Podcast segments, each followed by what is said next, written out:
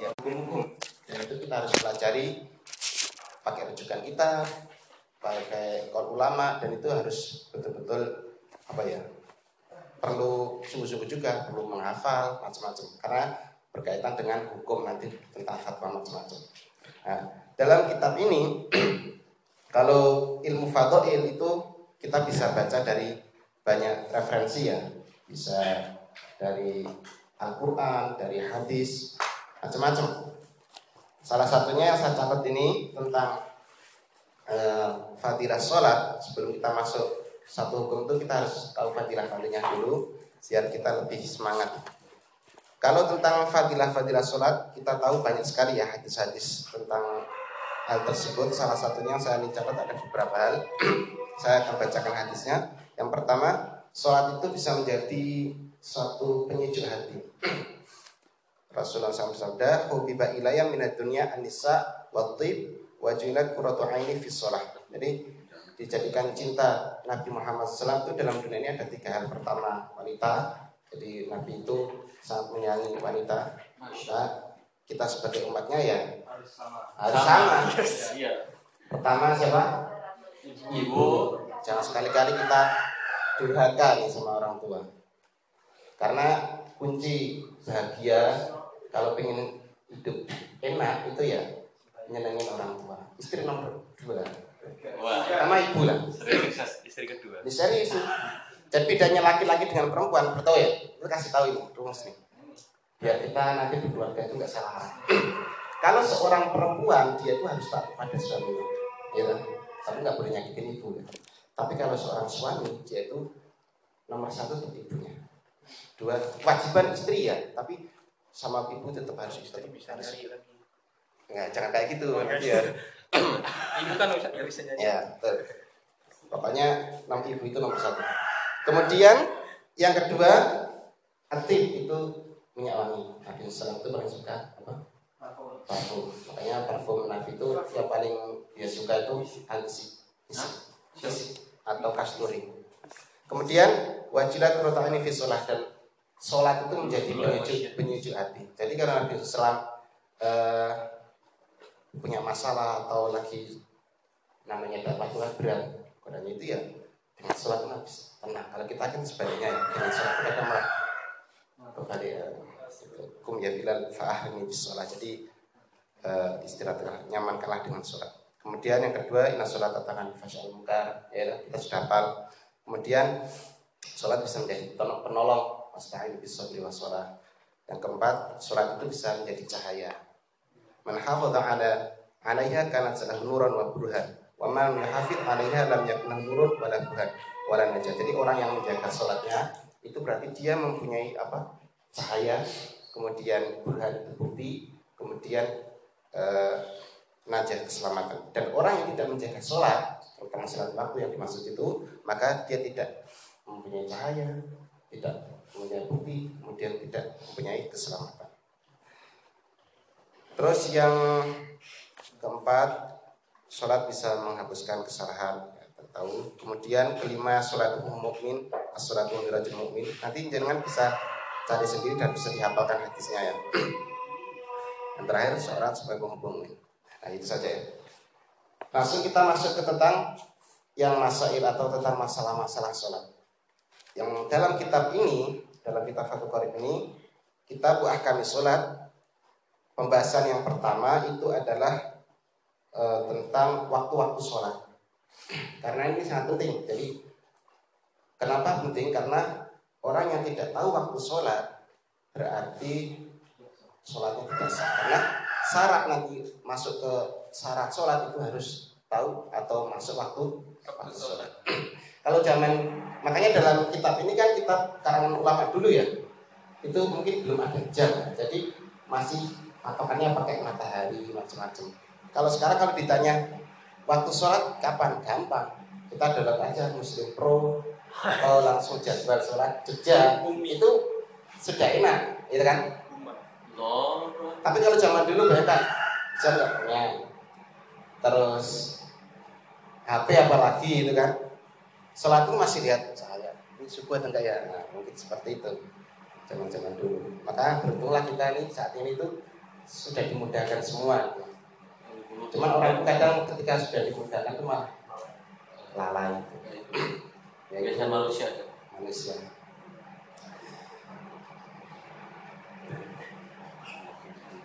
Kita buahkan sholat bisa disimak ya. Kalau punya kitabnya kalau nggak punya kitabnya dengarkan pengertian sholat wahya lugotan doa. Jadi secara bahasa arti sholat itu adalah doa. Kalau doa yaitu sholat. Itu secara bahasa. Jadi pengertian secara bahasa sholat itu adalah doa. Doa. Jadi kalau ada aliran kamu sholatnya gimana? Ya saya pokoknya sudah masuk waktu sholat, kemudian saya berdoa dalam hati sudah. Nah itu aliran apa namanya aliran sesat jelas. Karena dia hanya sholat secara bahasa. Mungkin zaman dulu umat sebelum Nabi Muhammad pun sholatnya kita nggak tahu ya setiap Nabi itu punya syarat masing-masing. Secara bahasa memang betul doa. Jadi ada pernah itu aliran apa ya? Yang di Indonesia itu pokoknya dia waktu sholat eh, dia hanya mengingat Allah sudah. Jadi Inti dari sholat adalah mengingat Allah. Jadi kalau kamu rukuk sujud tidak mengingat Allah, buat apa gitu? Nah itu sudah menyimpang. Nah, terus dia pokoknya saya waktu sholat mengingat Allah itu cukup. Memang secara bahasa iya, karena secara bahasa sholat adalah doa. Tetapi kita dalam apa ya, mengamalkan sesuatu itu harus berilmu, makanya harus ngaji ya kan. Tetapi secara fikih pengertian sholat nggak seperti itu. Secara syariat, kama Rofi aqwalun wa af'al muftatahatun bitakbir muftatamatun bitaslim bisyara'id masusah. Jadi pengertian sholat, kata-kata sholat itu dinamakan sholat itu adalah perkataan dan perbuatan. Jadi ada perkataannya, ada perbuatannya yang itu dibuka dimulai dengan takbir dan diakhiri dengan salam dengan syarat-syarat tertentu. Nah, berarti ada berapa poin ini? Harus berupa perkataan. Jadi nggak boleh nih saya doanya sholat di dalam hati Fatihah di dalam hati, takbir di dalam hati, lalu niat ya di dalam hati. Tapi kalau rapatnya harus, makanya nanti ada rukun qawli, rukun fi'li. Ada dua. Sholat itu harus ada ucapannya, harus ada gerakannya, harus ada ruku, harus ada sujud, harus berdiri juga. Makanya di sini harus berupa apa? Perkataan. Perbuatan. Dari tarifnya nanti kita bisa menyimpang ketika ada orang yang aneh-aneh berarti sudah aja menyimpang. Jadi perkataan dan perbuatannya itu dimulai dari takbiratul ihram, takbir, Allahu Akbar, diakhiri dengan salam, dengan syarat-syarat, nah, ada ada bintangnya itu syarat, nah, bintang kecil itu syarat dan berlaku ternyata di bawahnya banyak. Nah gratis syarat berlaku khusus hari Jumat. Promo ini apa? Ingin tahu. Harusnya eh enggak jadi. Hari. Bagusnya itu hari apa ya? Selain satu. Senin puasa ya. Senin bagus. Kamis bagus. Dua kali berapa kali? Tiga kali itu. Ya, ya semakin banyak itu semakin bagus. Ya kayak pikul. Senin jalannya dua, Kamis jalannya dua. Ya tapi bagi tiga bungkus. Ah, nanti dari pengertian ini ya sedikit cerita ini Kenapa saya kali ini baca kitab dua? Uh, ini namanya kitab Fatul Mu'in ya. Kalau yang ini Fatul Qarib, yang ini Fatul Mu'in. Ini ada cerita. Jadi mengenang masa lalu boleh ya. Jadi uh, kitab ini ini saya dapat dari hadiah guru saya. Jadi waktu kelas 1 itu ya alhamdulillah ada sesuatu hal terus saya dikasih hadiah kitab Fatul Mu'in.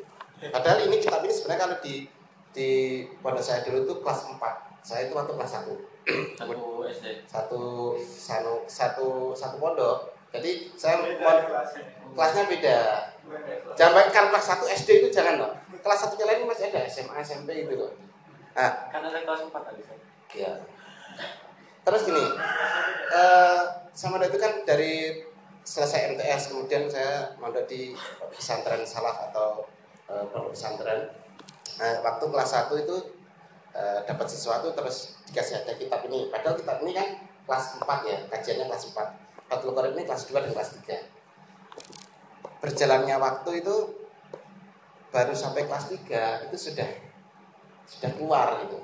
sudah pindah pindah pondok jadi hafal Al-Quran jadi belum sempat ngaji kitab ini tapi kitabnya masih ada gitu jadi saya buka eh ini kenangan masa lalu coba saya baca itu ya saya tak cari-cari di bisa dibaca nah dalam kitab ini kalau kitab ini karangannya siapa namanya Zainuddin Al-Malibari orang orang India tahun 982 Hijriah. Sebenarnya sama kitabnya, sama-sama kitab ini.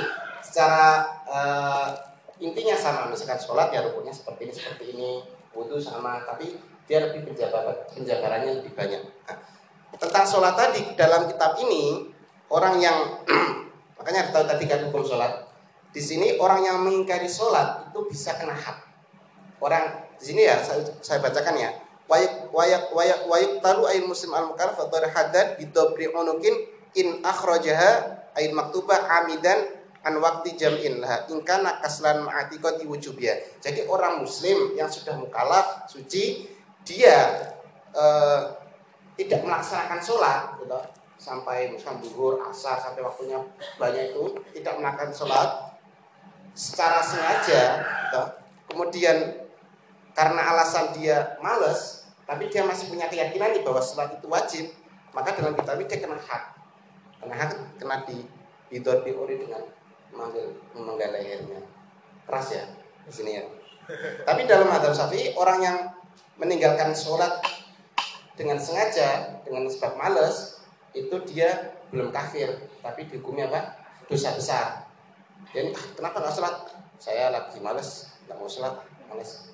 Terus tapi sholat itu wajib ya wajib. Berarti saya lagi malas nih. Kayak gitu terus malasnya itu terus terusan itu. Nah itu dia apa? Uh, istiqomah. Istiqomah itu dalam kebaikan ya mas. Kalau dalam keburukan itu kan istiqomah apa namanya ya? Uh, teledor aja. Istiqomah itu sebenarnya pengertiannya itu bukan terus saya kayak gitu terus enggak itu namanya mutawakal istiqomah itu orang itu konsisten dalam kebaikan itu namanya istiqomah sebenarnya kayak gitu nah ilam yatub ba'da istimewa nanti. Jadi kalau dia disuruh tobat nggak mau ya tadi syaratnya disuruh tobat ya. Jadi orang nggak orang muslim nggak sholat disuruh tobat nggak mau terus kena had ya. Tapi kalau orang di sini wayuk talu kufron intaroka jahidan wujubiha fala yaksil Jadi keras banget ini. Kalau orang Islam ini dia tidak mau sholat tapi dia juga jahid mengingkari. Bahwa mengingkari itu melawan bahwa sholat itu ya nggak wajib. Dia pokoknya menentang. Jadi dia Islami. Dia nggak mau sholat dan mengingkari sholat namanya jahil maka dia dihukumi kufur. Kafir dia. Itu dalam Allah sudah murtad. Maka di sini dia kena hat tadi baik talu. Dipenggal. Boleh dipenggal. Dan tidak usah dimandikan. Fala yuqsalu wala yusallu keras nggak disolatin nggak boleh nggak boleh nggak usah disolatin nggak boleh nggak usah di dimandikan. Karena dia statusnya sudah murtad karena mengingkari maka kita sebagai orang Islam harus betul apa? Ya melaksanakan sholat ya harus punya keyakinan. Gitu. karena nanti ada kalau orang munafik dulu zaman sahabat uh, apa dia itu ikut sholat, sholat. Tapi dalam hatinya itu benci banget sama Islam. Nah, namanya orang munafik. Jadi dia itu lahirnya kayak melaksanakan tapi dalam hatinya itu ada kebencian. Tidak percaya itu kalau dalam hatinya percaya tapi nggak mengerjakan namanya apa? Orang fasik. Fasik beda ya. Kalau yang tadi munafik fasik. Nah kalau orang yang tidak punya keyakinan tidak lagi tidak mengerjakan itu namanya orang orang kafir langsung ya. Dalam sini yang pertama as-salatu mafruḍah wa fi ba'dina salawat mafruḍah khamsun. Yajibu kullu minha bi awalil waqti. Wujuban muwassa ila ayyabqa minal waqti ma yas'a fayadiku hina idin. Jadi salat fardu pembahasan pertama salat fardu dulu. Salat al mafruḍah salat yang diwajibkan dalam sebagai apa bagi umat Islam itu ada ada lima. Jadi kalau ada aliran mengatakan salat tiga tiga waktu ya berarti sudah keluar dari apa? Bukan ya sesat jelas. Tapi ini sudah keluar dari uh, fikih yang uh, apa istilahnya? It, karena ini sudah ijma itu sudah semua ulama sepakat bahwa sholat itu lima waktu. Yajibu kewajiban tersebut sholat lima waktu itu itu awalil waktu wujuban muasa dengan harus dikerjakan awal waktu loh, sebab masuknya waktu bukan awal waktu. Sebab masuknya waktu dengan kewajiban yang muasa kewajiban yang diperluas.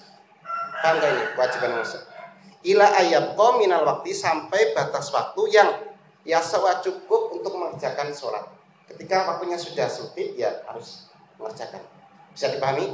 Jadi tadi sholat itu kan wajib sholat wajib ada lima kan tadi? Itu dengan kewajiban yang muasa. Kewajiban muasa itu kewajiban yang tidak harus dilaksanakan seketika itu tapi ada waktu yang agak panjang itu.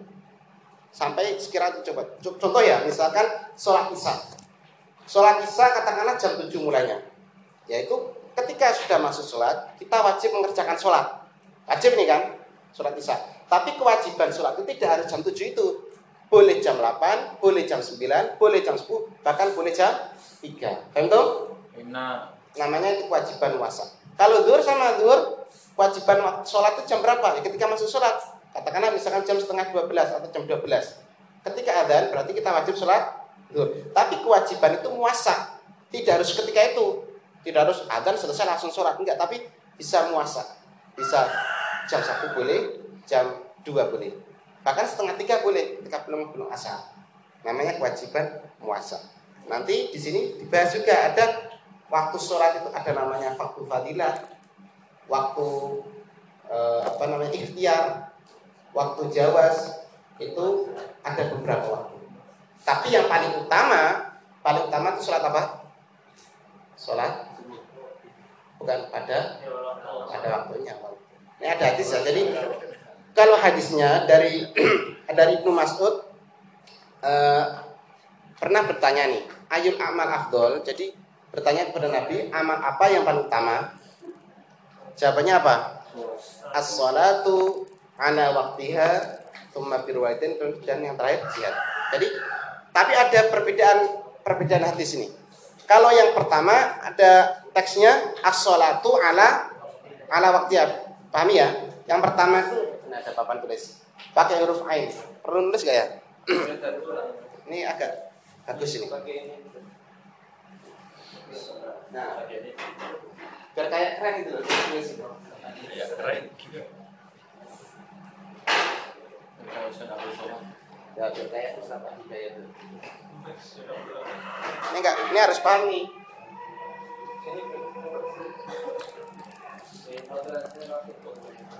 Jadi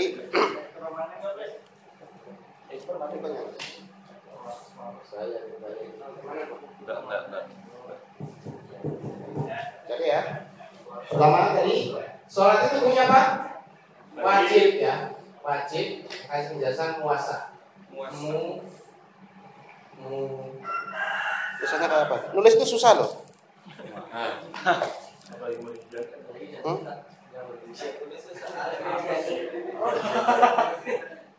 ya kalau tulisan itu biasanya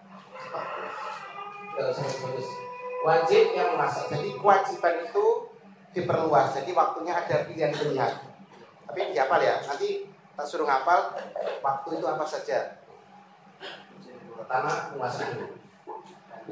Ada hadis Nabi ini namanya hadis itu kan riwayatnya banyak. Jadi nah sahabat bertanya ayul amal afdal amal apa yang paling utama? Gitu. Versi pertama nih as-sholatu ala waktiha biar belajar bahasa Arab.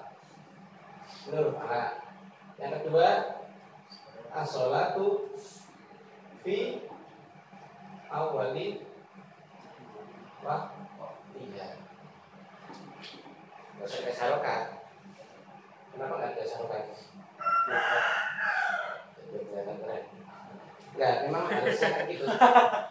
Belajar itu nggak sih? Ada salah lah, nanti bingung nanti. Pertama, yang eh, sholat dan sholat yang kuat itu as-sholatu ala waktunya. Sholat wajib itu itu pada waktunya pokoknya di dalam waktu itu pada waktunya itu apa berarti selama itu masih waktu sholatnya berarti masih boleh dikerjakan Pak. Jadi misalkan sholat isya dari jam 7 sampai sebelum subuh itu namanya waktu isya. Boleh dikerjakan. Ya. Yang kedua, as-sholatu fi awal waktu. Jadi amal utama itu sholat pada awal waktu. Jadi awal waktu itu berarti ketika sudah masuk sholat, langsung sholat. Jangan waktu adzan malah kapan tidur. Nah itu ya tidak bagus. Walaupun itu boleh, tapi tidak bagus. Kami di sini dan ini yang lebih lebih, lebih kuat. Nah, itu keterangan saya ini saya dapat dari Buya Yahya. Kemudian lanjut ya. Enggak ada pertanyaan. Ila ayat kok sampai batas waktunya sampai mana ya nanti? Nanti ada rinciannya. Pertama, kewajiban sholat pertama adalah apa? Sholat apa? Duhur. Nah, jenisnya tadi. Sholat duhur.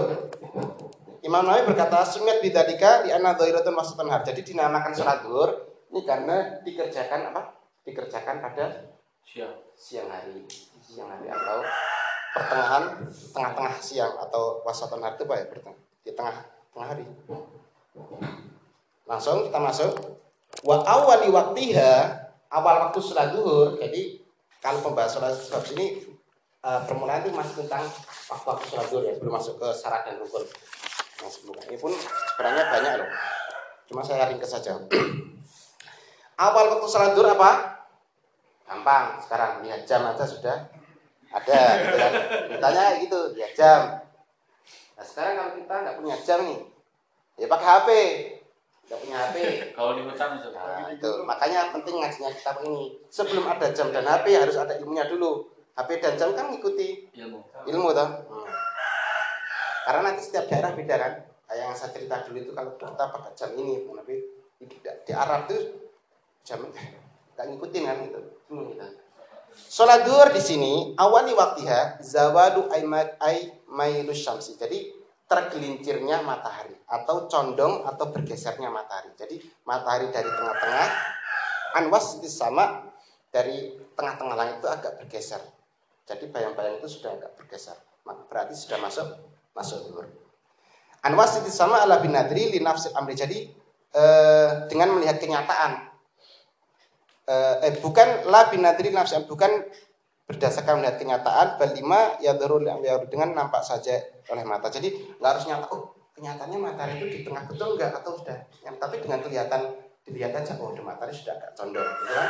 Berarti sudah masuk masuk duhur jadi condongnya itu bisa dilihat dari bayangan sebenarnya. Dari bayangannya sudah agak nggak nggak di tengah-tengah pas kan tapi agak geser sedikit itu sudah sudah apa sudah masuk duhur jadi kalau misalkan jenengan nggak punya jam, nggak punya apa-apa di di waktu apa di hutan atau apa, ya lihat aja matahari udah agak geser kan dari tengah, bayangan sudah agak geser ke apa arah mana? Mana ke mana yuk? Ah, berarti sudah masuk sholat sholat duhur. Akhirnya kapan waktu sholat duhur itu berakhir? Wa akhiruhu ay waktu ay waktu duhri ida soro dhillu kulli syai'in mithlu ba'di al ghairi zawal. Jadi akhir waktu sholat zuhur tadi dari mulainya kan dari zawal tadi. Zawal itu namanya tergelincir. Sampai apa? Sampai bayangan sesuatu benda itu sama seperti benda tersebut. Jadi misalkan kamu berdiri nih, ini kamu nih. Atau kamu kasih papan nih. Bayangannya itu sama. Berarti ini akhir waktu sholat zuhur. Bukan siku-siku. Sama kaki. Aku masih ingat nih dulu waktu SD ya. Disuruh tugas saya itu saya salah. Suruh bikin tiang dipanjangkan gini, gitu kan? Terus kamu lihat nih bayangan waktu saya kan masih ingat juga, masih ingat ya. Kadang kita masih kecil ini ingat, bayangan itu kita lihat sampai sama atau lebih gitu untuk waktu subuh. Dalam prakteknya saya itu malah bukan pakai tiang tapi pakai benang tak pendidikan itu gagal gagal paham. Jadi gini loh. Ini katakanlah misalkan matahari ya. Matahari. Kalau pas di tengah-tengah matahari besar. Kalau pas di tengah-tengah ini namanya waktu istiwa atau matahari di tengah-tengah itu malah nggak boleh sholat. Terang. Namanya ada nanti waktu antara itu matahari pas di tengah-tengah matahari pas ketika terbit matahari pas terbenam. Nah, itu ini matahari. Barat mana ya? Katakanlah barat sini barat sini ya barat sini. Barat. Ini lawannya barat apa? Timur ya? Barat kiri. Ya. Kan misalnya. Misalnya barat yang sebelah sana nggak mungkin kiri. Nah terus? Tadi apa? Matahari berarti geser ke sini sedikit. Kamu lihat sudah geser bayangannya sudah di sini ada bayangan sudah nggak di tengah-tengah nih ke sini sudah masuk waktu duhur. Waktu zawal zawal tingginya terus nggak apa-apa. Jangan diketawain. Nggak boleh ketawa. Ketawanya menghina. Kayak kemarin sama sama bapak kan? Lagi orang bicara itu ketawain nggak boleh. Tapi kadang temanya lucu ya jadi ketawa kan? Tapi nggak boleh ketawa. Bayangan akhirnya sampai kapan aku dulu sampai bayangan ini sama dengan tinggi benda tersebut. Kalau misalkan kita atau benda itu satu meter ya bayangannya satu meter. satu meter. Paham tuh paham kalau menurut kan ya. Ini nanti ada namanya waktu fadilah. Paling utama ngerjakan sholat kapan? Namanya waktu fadilah. Pasti namanya awal waktu itu paling bagus ya kan? Adzan selesai komat ya apa? Adzan sholat sunnah wudhu wudhu sholat sunnah itu. Ya. Jadi suaranya itu waktu itu cukup banyak apa? Wudhu kemudian eh menutup aurat wudhu kemudian sholat sunnah sholat itu sudah masuk ke awal waktu sampai ini. Terus sekarang masuk yang kedua waktu asar. Waktu asar. Nah. Waktu asar ay sholatuha sunnat bidzalika li mu'asaratiha waktu huruf. Jadi dinamakan asar itu karena dalam kitab ini ya. karena li mu'asaratiha waktu huruf. Jadi karena dia mendekati dengan waktu huruf, mendekati waktu matahari marib. Waktu huruf. Awalnya waktu asar kapan? Waktu asar wa awal waktu ya azyadatu ala dhilli. Jadi bayangan itu lebih panjang dari benda tersebut. Nah, katakanlah ini, ini sama kan? Ketika kamu berdiri, kamu aja objeknya biar mudah kita aja. Kita berdiri kok bayangannya sudah lebih panjang sedikit, berarti sudah masuk waktu waktu asar. Kan bisa ngira-ngira, apa perlu dikasih meteran? Ya nggak perlu. Kira-kira kan kita bisa nih. Lebih sedikit berarti apa? Kayak raksasa bayangannya karena lebih panjang coba praktek lah sehari nggak usah pakai jam misalnya tapi ya ada adanya jadi tetap nah ketika lebih panjang berarti awal waktu asar. Nah, walil asri lah ini sudah masuk nih dalam kitab ini ya. Walil asri homsu aukot jadi dalam kitab ini sholat asar itu punya lima waktu. Waktu aja lah. Kalau kembali tadi awal waktu ya ini yang pertama ya. Tapi sholat awal waktu juga sama. Selama itu masih dalam waktunya berarti sholatnya masih bisa. masih bisa sholat asar dalam kitab ini punya lima waktu kalau Bu Yaya ya itu menjelaskan bahkan ada tujuh waktu tujuh waktu ini ada tambahnya doruri ini waktunya tapi kalau dalam kitab ini nanti kamu searching di Google di YouTube waktu sholat Bu Yaya kan ada tujuh Nah, kalau kitab ini, satu korek ini ada lima. Enak ya. Sebenarnya jelasin lagi sambil nulis-nulis itu ternyata bagus. Walaupun tulisannya apa gitu kan. pertama, awal waktu pertama, ahad dua waktu fadilah, yaitu namanya waktu fadilah. Waktu fadilah itu, bahwa fil awal waktu, yaitu mengerjakan sholat pada awal waktu. Jadi, waktu fadilah itu orang ketika sudah adzan langsung mengerjakan sholat namanya waktu awal waktu awal fadilah. Awal fadilah itu batasnya apa? Yaitu yang saya tadi sebutkan. Kadar awal waktu itu apa? Adzan, ya, selesai adzan kemudian persiapan menutup aurat, ya, wudhu, sholat sunnah, ya kan? Sholat sunnah apa? Qobliyah. Kemudian sholat sudah habis waktunya itu sudah apa? sudah waktu fadilah. Setelah itu nanti waktu yang kedua. Yang kedua adalah eh, watani waktu ikhtiar. Waktu namanya waktu ikhtiar. Waktu ikhtiar kapan? Wakhiru ila ikhtiyari ila dhilli mithlain. Jadi waktu ikhtiar itu bayang-bayang itu dua kali lipat benda tersebut. Namanya waktu ikhtiar. Waktu ikhtiar. Ini bendanya satu meter, bayangannya dua meter. Jadi waktu waktu ikhtiar. Yang ketiga, wasalif waktu jawas. Namanya waktu jawas. Fadilah, ikhtiar, jawas. Hmm, Bisa baca? Bukan fawas. Kalau fawas itu fawas. Sama ya? Fawas, fawas. Dari kata fauzun, fauzun, faizun, fa- fauzun, faizun, faizun. Faza. Kalau jawas, jawas. Pakai jim. Sama ya? Fawas, jawas. Jawas itu artinya apa? Ya juzu boleh. Kalau fauz, fauz, fauz, fawas itu apa? Apa ayahnya ini artinya? Falah kebahagiaan atau kemenangan bisa. Nanya anak saya tak kasih nama Mafaza. Itu sama. Semua ya. ya ini saya minta doa nanti ya akhiran kita PKnya kan untuk anak saya itu nah, kayak sakit apa ya kepalanya itu menyerah ya. kalau istilahnya dokter tuh hmm, apa ya pokoknya bahasanya susah lah bukan pusing itu kayak bercak darah bercak merah kayak tanda lahir. Himo higimomia pokoknya bahasanya kayak itu tahu ada yang tahu nih?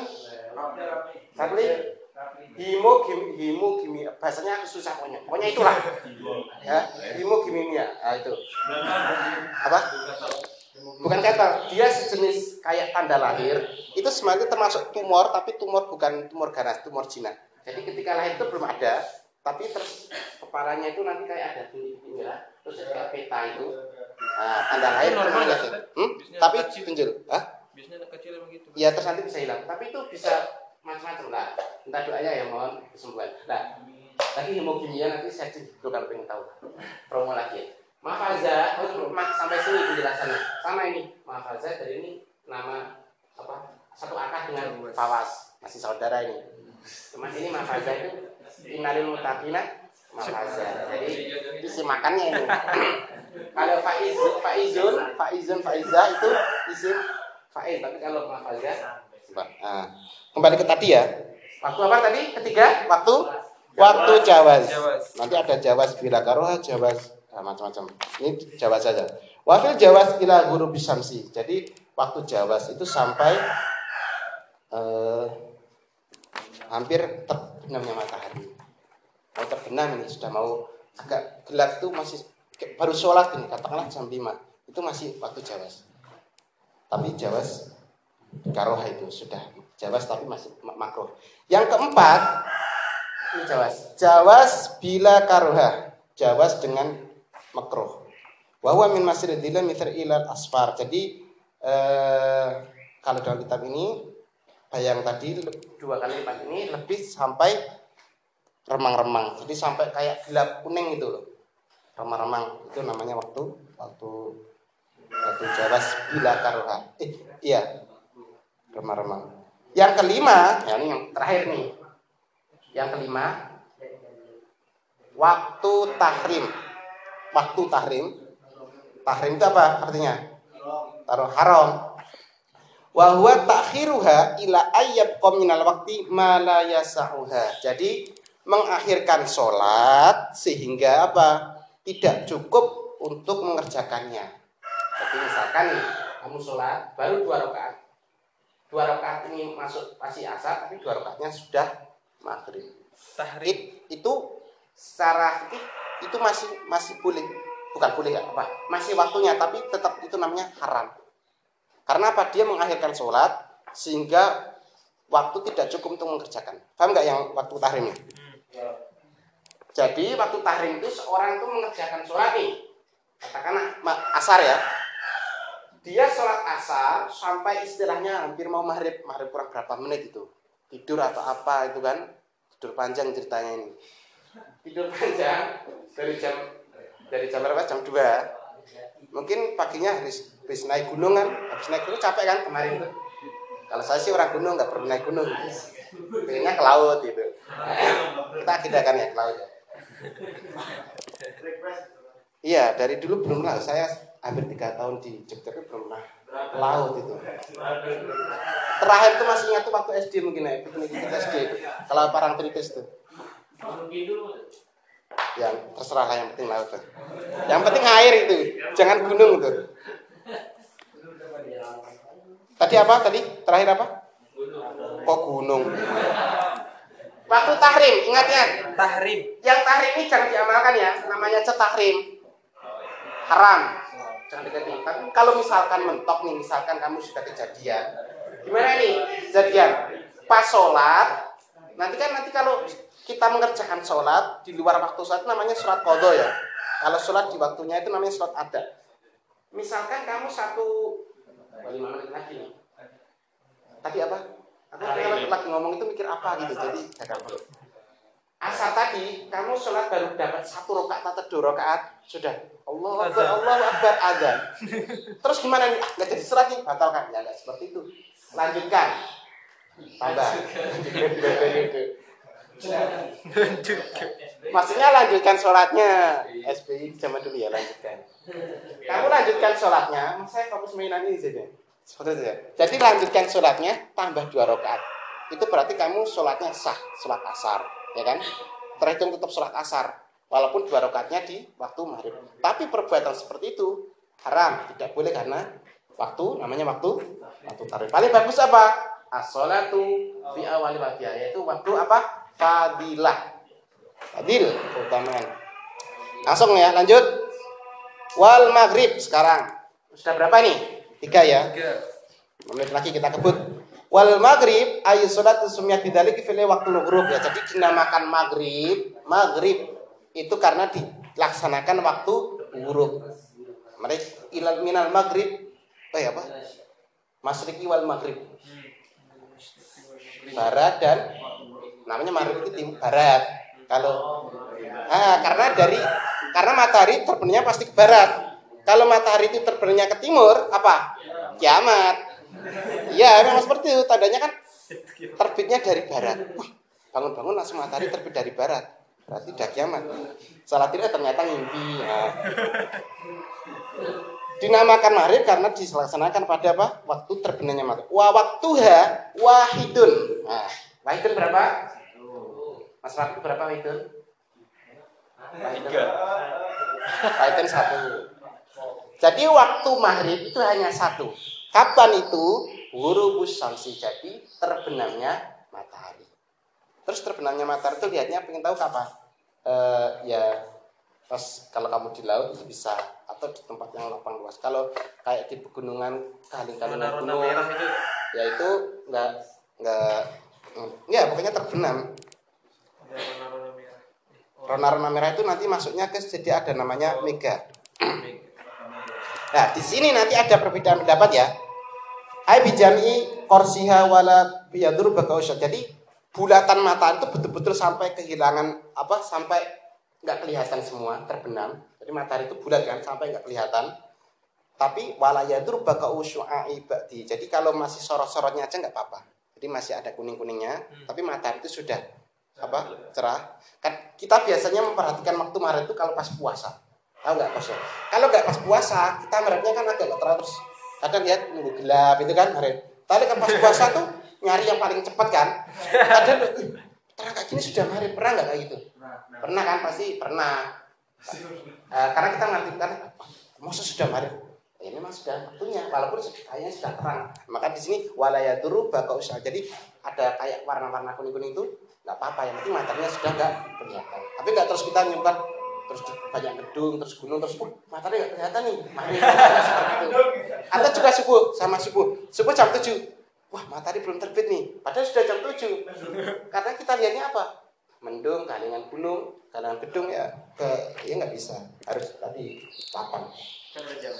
Dan di sini ada dua pendapat ya. Wa miqdaru batasannya waktu Maret itu kapan? Ma yu'adzinu syakhsu wa yatawaddau ayatayamu wa yastar'adu wa yakumu shalah wa yusalli khamsa raka'atin. Nah, batasannya yang pertama, pendapat pertama, kapan waktu maghrib itu? Batasnya waktu maghrib. Waktu maghrib itu dari mulai tadi matahari terbenam sampai kapan? Seorang itu adzan kemudian wudhu atau tayamum, kemudian menutup aurat dan mendirikan sholat dan sholat lima rakaat. Jadi maghrib itu hanya pendek banget sebenarnya waktunya. Adzan, setelah adzan orang itu menutup aurat, persiapan dan merti, kemudian wudhu, ya kan? Terus sholat tadi, sholat maghrib dan sholat sunnah dua rakaat. Iya, kalau komplit itu sana. Lima. Nah itu kalau sudah habis berarti sudah enggak. Setelahnya enggak sudah ada masuk waktu maghrib. Kan? Ini yang pertama. Jadi yang pertama itu waktu maghrib. Ini pendapat kaul kaul jadi. Kaul jadi itu kaulnya Imam Syafi'i yang kimsir. Jadi waktu maghrib itu cuma pendek banget. Adan setelah saat dan kemudian apa persiapan ganti baju ya katanya 10 menit atau berapa lah. Kemudian apa wudhu menurut Arab sholat dan sholat tadi sholat maghrib dan sholat sunnah tadi sampai lima rakaat. Pendek banget kan? Fa'in ini qaudul maka untuk kharaja waktiha. Nah, jadi kalau sudah batas tadi sudah habis, maka itu sudah keluar waktu maghrib. Dan bisa nih sholat maghrib. Wa huwa qaul jadid. Itu termasuk qaul jadid. Wal qadim warojan nawawi anna waktu yamut ila maghrib syafi. Jadi, tapi tenang saja kamu nggak usah khawatir. Wal qadim pendapat yang qadim atau Imam Syafi'i yang ketika masih di apa? Qadim itu di mana? Di Baghdad dan ini pendapat ini dikuatkan dalam arti lebih kuat waroja nawawi jadi pendapat yang lebih kuat yang tadi itu berarti pendapatnya apa nggak kurang kuat nggak kuat ha? apa ya lemah ya jadi tapi yang kuat yang lebih kuat karena itu dikuatkan siapa imam imam nawawi waktu maghrib itu ya muddu ila maghribi syafiq ahmar jadi sampai mega merah itu hilang jadi kalau maghrib itu ada kayak mega mega merah itu sampai hilang gelap berarti sudah masuk. Bisa tahu waktu maghrib sudah sudah habis. Kalau pengen lihat mega itu sebenarnya kalau pas puncak gunung itu kelihatan ya. Lihat gak? Kalau pas waktu subuh itu waktu subuh nih kemarin pas mendaki itu nah itu ketiduran nggak? Ah, kalau aku lihat tuh sekali itu. Jadi waktu ke Bromo kemarin itu kan naik gunung nih. Eh, bukan naik gunung cuma naik berapa menit tuh. Itu pas setelah sholat subuh itu kan terus lihat waktu subuh itu kayak di atas tuh kayak lihat namanya nanti fajar ada nama fajar sotik fajar galing lembah yang namanya fajar terus nanti pas matahari terbit itu kelihatan jadi mataharinya belum ada tapi cahayanya sudah ada bawahnya gelap nih atasnya ada terang karena kita lihatnya dari posisi paling atas itu kalau ingin lihat nih. dulu tak rekam sih tapi sudah kehapus ini.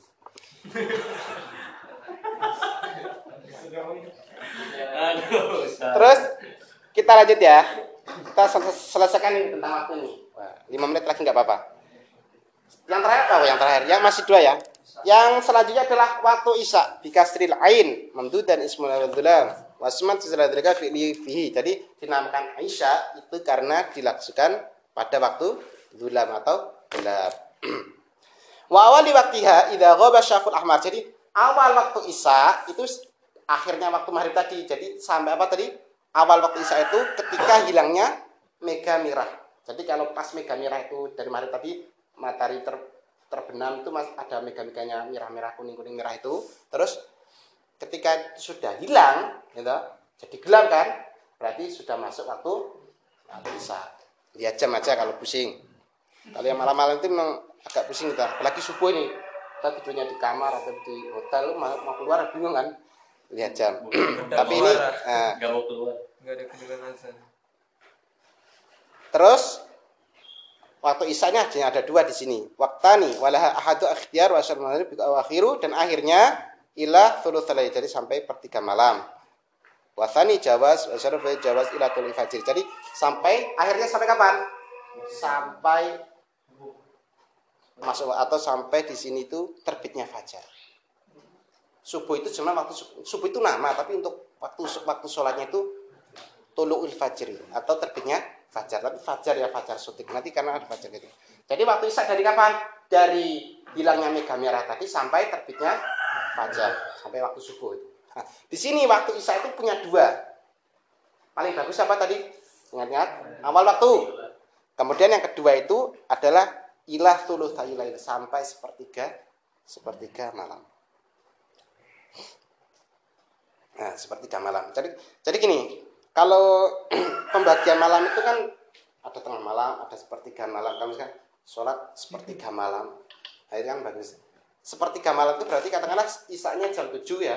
Berarti sepertiga malam pertama itu jam 7 sampai jam 10 itu ingat sepertiga. Jadi sholat sunnah itu yang paling bagus itu jam berapa? Sepertiga malam terakhir. Berarti sepertiga malam pertama itu apa jam 10 terus se- sepertiga malam yang kedua itu dari jam 10 sampai jam 1 sepertiga terakhir jam 1 sampai jam 4 karena nanti dalam ada riwayat Nabi itu pernah apa sholat isya itu sampai malam itu sepertiga malam tadi.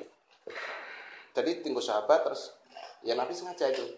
Biasanya kan kalau itu terus sampai malam Nabi baru datang terus. Nabi ngasih tahu bahwa orang menunggu sholat ya dihitung sholat itu makanya ada pendapat Ikila dalam kitab yang lain yang saya baca itu pada waktu isya itu tetap yang paling utama waktu. Tapi ada kila ada berarti kila itu pendapat yang agak lemah. Itu yang utama malah mengakhirkan sholat isya. Itu ada seperti itu. Pendapat ya tapi tetap kita ambil yang paling utama apa? Awal waktu. Dengan apa? Berjamaah. Berjamaah di mana? Di masjid. Ini lebih utama di asrama boleh tapi paling utama di mana? Di masjid. Makanya saya di masjid terus sekarang. Hanya sombong ya tapi sudah kan sudah mulai sudah mulai apa? New normal nih. Bukannya ini ya kalau saya pikir-pikir sholat di masjid sama di sini lebih aman di masjid. Kenapa? Sholat di masjid itu ada jaraknya. Dan pakai masker. Sedangkan di sini kita nggak ada jarak. Karena kita nggak pakai masker di samping itu kalau niat itikaf di sini kan nggak bisa di masjid bisa. Terus bisa sambil jalan lebih sehat banyak lah masjid dan masjid itu pemandangannya juga beda. Di sini kan pemandangannya ini saja. Dan kita masuk. Di sana ada yang masjid. Nah, kalau dulu saya di pondok itu sholat isya memang setengah sembilan. Setengah sembilan itu em, apa ya? Karena program sih, karena program itu jadi ada banyak ngaji ngaji ngaji. Akhirnya sholatnya malam. Tapi ya tadi ya, ya memang sudah jadwal. Tapi tetap utama itu awal waktu. Tapi boleh itu masih masuk fadilah. Kalau misalnya ada kewajiban apa, sholat agak mundur isya nggak apa-apa. Gila. Tapi tetap utamanya apa? Awal waktu. Kita ambil yang awal waktu saja. Tapi misalkan ada pendapat lain mengatakan sholat isya itu agak mundur ya memang ada pendapat seperti itu kemudian nanti pembahasan eh, terus langsung ke subuh aja ya. Subuh waktu subuh itu adalah tadi dari eh, tadi apa terbitnya fajar. Terus akhirnya kapan? Wa awali waktu itu fajar ini akhiru idar ila asfar sampai apa terbitnya terbitnya matahari. Tapi sebenarnya di sini ada pembahasan banyak juga nih sebenarnya tentang fajar itu seperti apa, fajar sotik ada fajar kadib. Kalau kadib itu namanya bohong, kalau sotik itu betul. Perbedaannya kalau di sini dijelaskan fajar kadib itu eh, cahayanya itu membentang, membentang memanjang. Tapi kalau naiknya ke langit. Eh, eh fajar kadib, fajar kadib itu mem- memanjang naik ke langit kemudian hilang. Tapi kalau fajar eh, fajar sodik itu dia membentang. Penjelasannya agak sulit nih. Jadi kalau fajar sodik itu sinarnya menyebar meluas ke angkasa. Makanya prakteknya lihat, makanya kalau nggak praktek lihat mungkin jalan-jalan itu juga penting juga. Jadi kalau fajar sodik dalam kitab ini yaitu al muntasir uhu mutaridon bil ufuk. Jadi sinarnya itu menyebar kemudian e, mutaridon ke angkasa ufuk jadi kayak apa ya menjelaskannya. Terus kemudian kalau fajar kadib itu sinarnya naik memanjang kemudian hilang. Nah kalau ini juga sama. Kalau misalkan fajar sodik itu ya apa tentang puasa juga sama. Kalau sudah fajar sodik itu tiba ya jangan lanjutkan makan juga. Itu sudah masuk waktu subuh itu. Puasa kamu jadi gak bisa nanti. Di sini ada pertanyaan. Nah, terus yang terakhir, akhirnya waktu subuh, wa awali waktu fajr tadi wal jawaz ila fajr. Jadi wafil jawaz bikaroh ila tuli ila Jadi sampai terbitnya matahari. Ini sama waktu subuh juga ada di sini ada ada lima. Waktu tahrim sama nih waktu subuh itu juga ada waktu jawaz, kemudian waktu bilakora, wal khamis waktu tahrim wa takhiru ila ayaqwa min waqti. Jadi namanya waktu tahrim itu eh, sampai waktu itu nggak cukup untuk mengerjakan satu cukup sampai di sini ya. Jadi pembahasan kita dalam kitab awal ini, kitab Ahkamus Salat itu tentang kewajiban seorang muslim itu apa? Sholat lima waktu. Ingat, lima waktu nggak boleh dikurangi. Kalau di jamak boleh. Di jamak pun ada sebabnya. Misalkan jadi tiga waktu nih. Sholat asar di waktu sholat duhur atau sebaliknya maghrib di isya. Berarti tiga waktu kan, tapi karena ada sebabnya. Tapi kalau nggak ada sebabnya, tetap kewajiban kita sebagai orang Islam apa? Sholat lima waktu dengan tadi akwal dan afal. Nggak bisa cuma hanya dua saja. Harus ada perbuatan dan perkataannya dengan syarat-syarat tertentu. Dan pakai waktu tadi, waktunya sudah saya jelaskan. Itu yang versi kita ya. Kalau versi mudanya ya tinggal lihat jam atau download saja jadwal waktu sholat sekitar ada di mana. Kalau tinggal di Jogja, di Jogja. Kalau jangan ikut waktu Sulawesi atau Papua ya beda atau Mekah. Saya ngikut orang Mekah nih saya. Nah, nggak bisa seperti itu. Kita kan. Kalau di Mekah ya pakai waktu Mekah. Lebih islamis. Nah itu ya. Lebih, lebih mudah ya download aja aplikasi Muslim Pro. Nah, itu lebih mudah. Tapi kalau ada kondisi-kondisi tertentu, wah, saya pernah dulu disampaikan ini, bayang-bayang ini, oh, berarti bisa diamalkan nih. Kalau mendung Mendung, ya itu ya resiko kalau mendung. Kalau mendung gimana? bisa isi Hmm, pakai jam makanya beli jam ya. Bukan eh, beli jam makanya kalau mendung itu. eh, kalau tanya itu coba jangan yang aneh-aneh gitu. Ada pertanyaan? Sudah habis waktunya ya. Terakhir ya, satu aja. Yang dua dua dua. ada, ada kan beberapa negara terutama di belahan bumi utara kan dia yang bisa malam itu berminggu-minggu. Oh bahkan setahun setengah tahun. Iya. Eh, pertanyaan sangat bagus dari siapa? Mahatma Gandhi. Mas Gandhi. Eh Mas. Sebelum Mas Gandhi bertanya seperti itu saya sudah pelajari. Jadi saya saya, Jadi, saya siap-siap. Ya, kita harus jujur. Kalau misalkan ditanya nggak tahu itu ya jawab "La adri itu aja saya nggak tahu. Jangan langsung langsung jawab. Tapi kalau pertanyaan Mas Gandhi itu saya sudah pelajari. Saya sudah searching. Mau jawabannya nggak nih? Tapi waktunya habis nih gimana? Jadi jawabannya itu ada dua pendapat ya. Jadi pertama waktu sholat ini kutub ya terjadi. Kutub itu bahkan siangnya itu setengah hari, eh setengah tahun, malamnya setengah tahun, bahkan ber, ada berbulan-bulan. Itu kapan sholatnya? Dikira-kira waktunya. Dikira-kira kalau maghrib sampai isya itu apa? Berapa jam? Jadi dikira-kira mas waktunya. Jadi dikira-kira masa dari maghrib sampai isya itu berapa jam? Isya subuh. Jadi tetap sholat terus. Berarti nggak usah sholat dong. Zat. Itu pendapat pertama. Tapi pendapat yang kedua yang lebih kuat itu dia mengikuti waktu normal daerah sekitar dekat situ. Jadi misalkan ini kutub nih, waktunya kan nggak normal nih. Itu bahkan itu ada hadisnya. Jadi ada sahabat bertanya kepada Nabi seperti apa. Itu yang lebih kuat itu yang saya baca itu dia mengikuti apa? Bisa tutup waktu sekitarnya yang normal. Dekat kan pasti ada nih waktu daerah yang mungkin kutub itu dekatnya negara mana? Tahu? Wakanda. Wakanda itu kan siapa itu? Giwangan saya. Giwangan. Wakanda itu siapa negaranya mana itu? Wakanda itu temennya? Wakanda. Ada apa negara Wakanda itu? Jangan ngawur dah. Itu dunia fantasi. Waka waka ee. Itu kalau nggak salah ya, pokoknya Greenland, Greenland. Greenland ya. Ini sebenernya enggak? Pokoknya daerah Rusia atau pokoknya nih, pokoknya gini, intinya gini. Waktu yang di situ nggak ada waktunya siang terus kayak kutub utara, kutub selatan, berarti ikutin daerah dekatnya yang waktunya normal itu saja. Jadi bisa kira-kira berarti tetap dikira-kira tapi ngikutin yang daerah sekitarnya. Kan ada nih yang puasa sampai di Amerika itu berapa jam tuh? Malamnya hanya berapa? Itu kan ada kan? Ya, 18 jam tuh kalau nggak salah. Berarti ya itu dia ngikutin waktu. Hmm, jangan ikutin di Indonesia nih kejauhan. Enak banget. Jadi mau ngikutin tetap dikira-kira ngikutin waktu sekitar. Nah cukup. Ya terakhir Mas eh, Mas Yoga.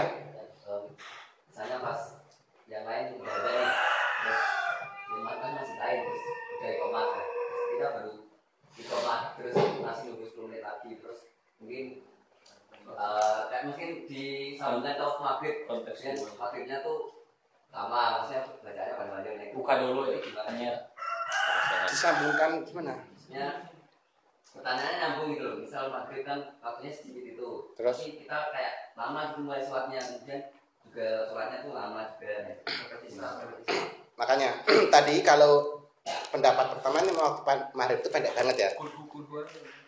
Dan memang sebenarnya maghrib itu dianjurkan nggak panjang-panjang. Sholat tuh kuliah, kuluahat itu dan andalan itu.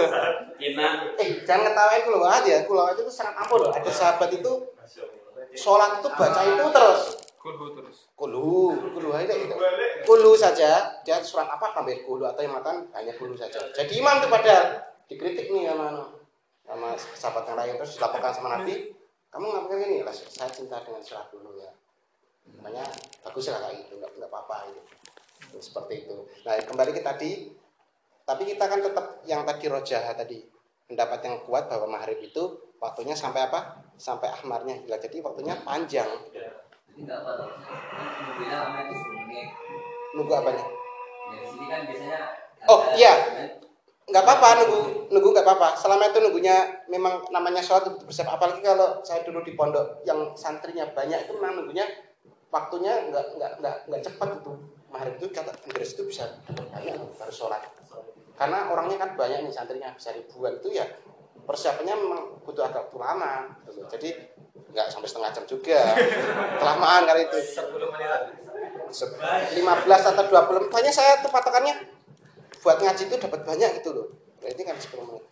Cuman gini ini catatan penting ya. Jadi sholat tadi kan bisa lima tadi asar pertama kan bisa lima waktu tapi kalau sholatnya kan boleh di ini tapi kalau adan kalau adan itu sebaiknya memang harus di awal waktu jadi misal adannya jangan jam 5 adan di speaker nah itu orang bingung jadi adan itu di, di apa di menara atau di pengeras itu harus di awal waktu kalau sholatnya boleh. kan tuh jangan jam 5 Ngomong ada aja ya ya. Adanya. kalau yang telat yang mana Yang di sini. yang sholat Di asrama. ya kalau di sini kan nggak sampai keluar sih telatnya nggak terlalu lama-lama ya nggak insya Allah nggak apa-apa sih. Tapi pokoknya kalau ada itu sebenarnya awal waktu ya kan? Terus kalau pengen sholat terakhirnya ya langsung. Takutnya bingung nih kalau jam 5 ada baru mulai. Ya cukup ya? Insya kita bisa eh, mengamalkannya. Ingat-ingat tuh. Harap diingat-ingat di- dipelajari dan dimutolaah diulang. Karena nanti insya Allah bulan apa? Bulan Oh, Desember kelamaan. Bulan ini Agustus akhir atau September awal, pokoknya antara itu. Ini bulan Juli kan, Juli, Agustus. Kita akan mengadakan kayak ujian. Ujian, ya, ya kayaknya. Di ujian-ujian. Kisi-kisinya nggak ada. Kisi-kisinya pokoknya dari kajian pertama sampai sekarang itu. Itu dipelajari Ada PPT-nya Sal? bulan kok Januari per empat bulan kalau per empat bulan atau semester nanti ini dicoba ya jadi dari mulai apa nanti bulan Maret setelah Agustus antara Agustus dan September nanti lanjut lagi Januari. Berarti yang yang paling dekat ini persiapan ya itu bulan bulan September awal atau Agustus akhir. Antara itulah kalau nggak tanggal 29 Agustus ya tanggal 2 September. Toh? nanti soalnya dari mana eh, dari apa saja ya? Bisa dari fikih bisa dari Ustadz Zen atau yang terakhir dari Ustadz Hakam enggak ABC iya. Kalau ABC nanti ini satu dia muternya dari sama sama Kristus ya pokoknya dipelajari. Itu untuk evaluasi saja. Kita tutup dengan bacaan Alhamdulillahirabbil alamin itu dibaca ke majelis. Alhamdulillah Assalamualaikum warahmatullahi wabarakatuh.